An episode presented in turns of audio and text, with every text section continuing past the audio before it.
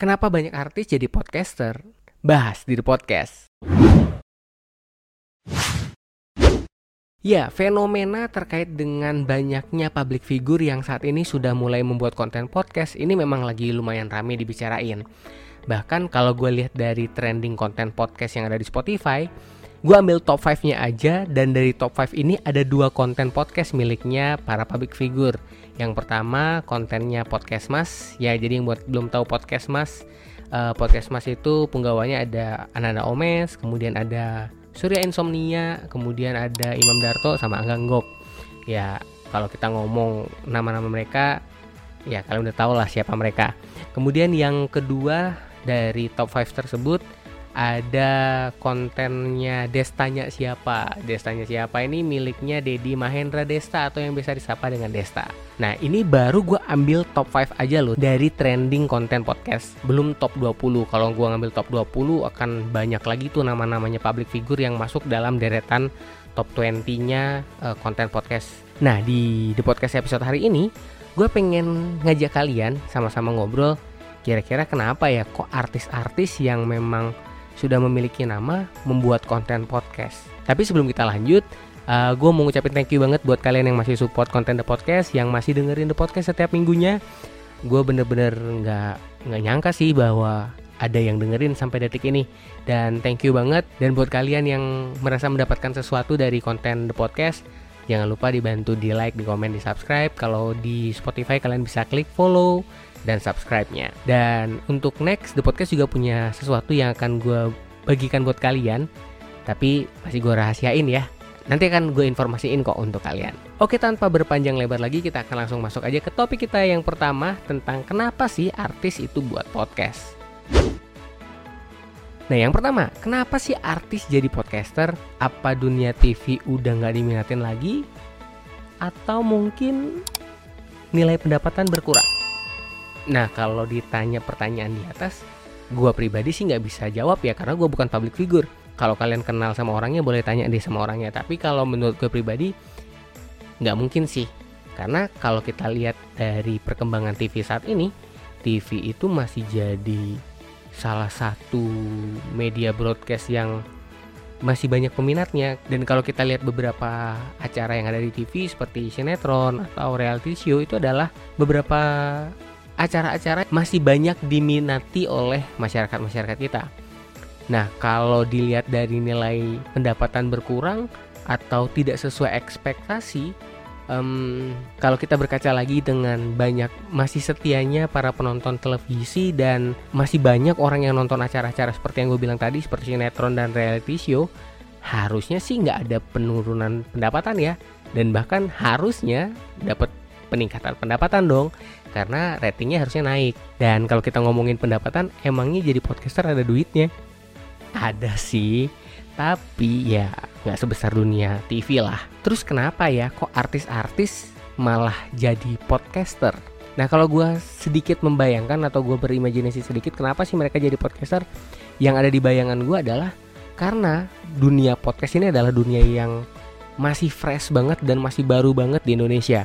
Nah tentu podcast sebagai salah satu media yang masih baru di Indonesia akan menjadi salah satu hal yang menarik bagi para public figure karena ya kita nggak pernah tahu ya dari konten podcast kita akan dapat apa tetapi kalau kita nggak pernah coba untuk menjadi seorang podcaster atau membuat konten podcast ya kita nggak akan tahu kita dapat apa dari sini. Dan inilah yang gue lihat dari para artis-artis ini lakukan.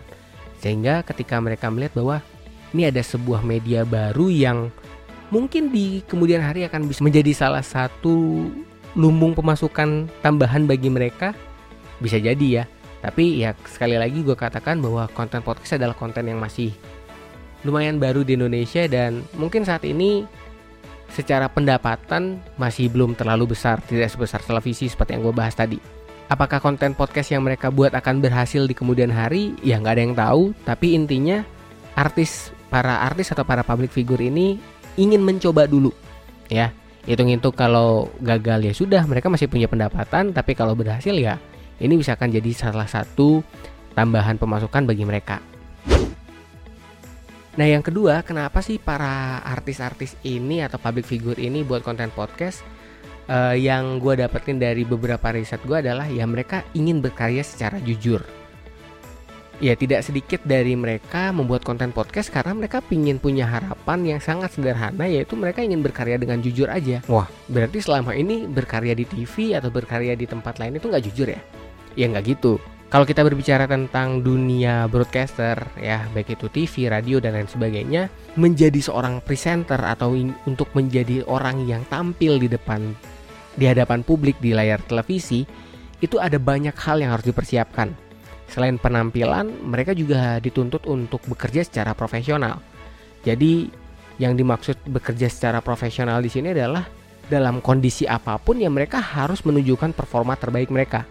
Ya, dalam kondisi nggak fit pun mereka dituntut untuk tampil fit dan bahkan mereka dituntut untuk selalu bisa memberikan energi positif ketika mereka sedang tampil.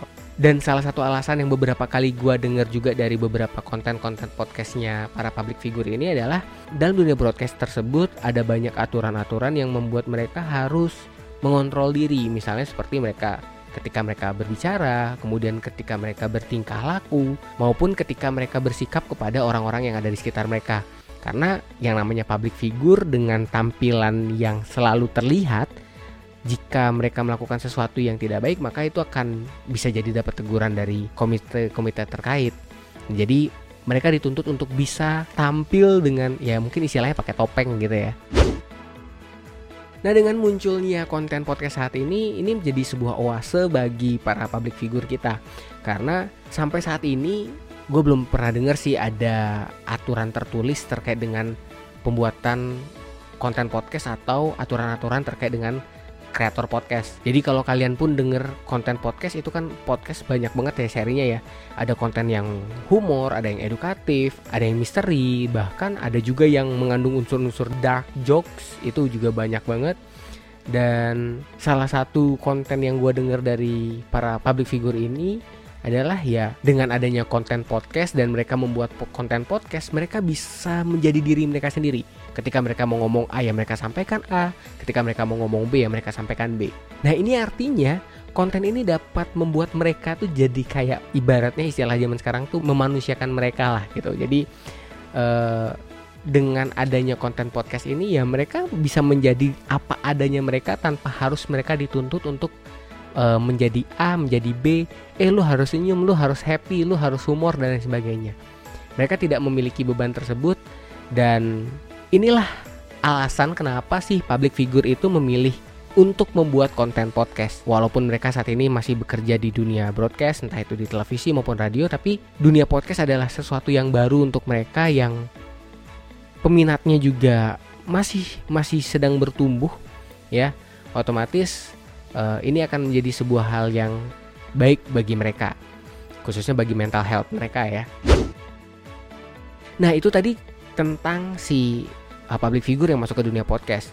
Nah terus kita gimana nih? Kita orang yang biasa harus sama seperti ketika para public figure masuk ke dunia YouTube, ada banyak konten-konten kreator yang mulai mundur. Nah kalau gue pribadi sih, ini adalah momentum yang baik ya. Kenapa? Karena uh, kita sebagai seorang podcaster khususnya di dunia podcast ya dunia podcast ini dunia yang masih baru kita nggak perlu sesibuk uh, seperti ketika YouTube pertama kali ada di Indonesia di mana ya mereka buat konten tapi yang nonton sedikit gitu. Dengan adanya public figure ini menjadi seorang podcaster, maka mereka akan membawa penonton-penonton mereka di TV untuk mendengarkan konten podcast mereka yang otomatis ini akan mengedukasi masyarakat bahwa sekarang ada konten podcast. Dan otomatis mereka yang kepo apa itu podcast mereka akan cari tahu podcast. Setelah mereka dengarkan oh begini ya format podcast e, lumayan seru ya lumayan menarik ya. Jadi otomatis mereka nanti akan mencari lah mencari kira-kira e, konten podcast mana ya yang bisa mereka dengerin lagi.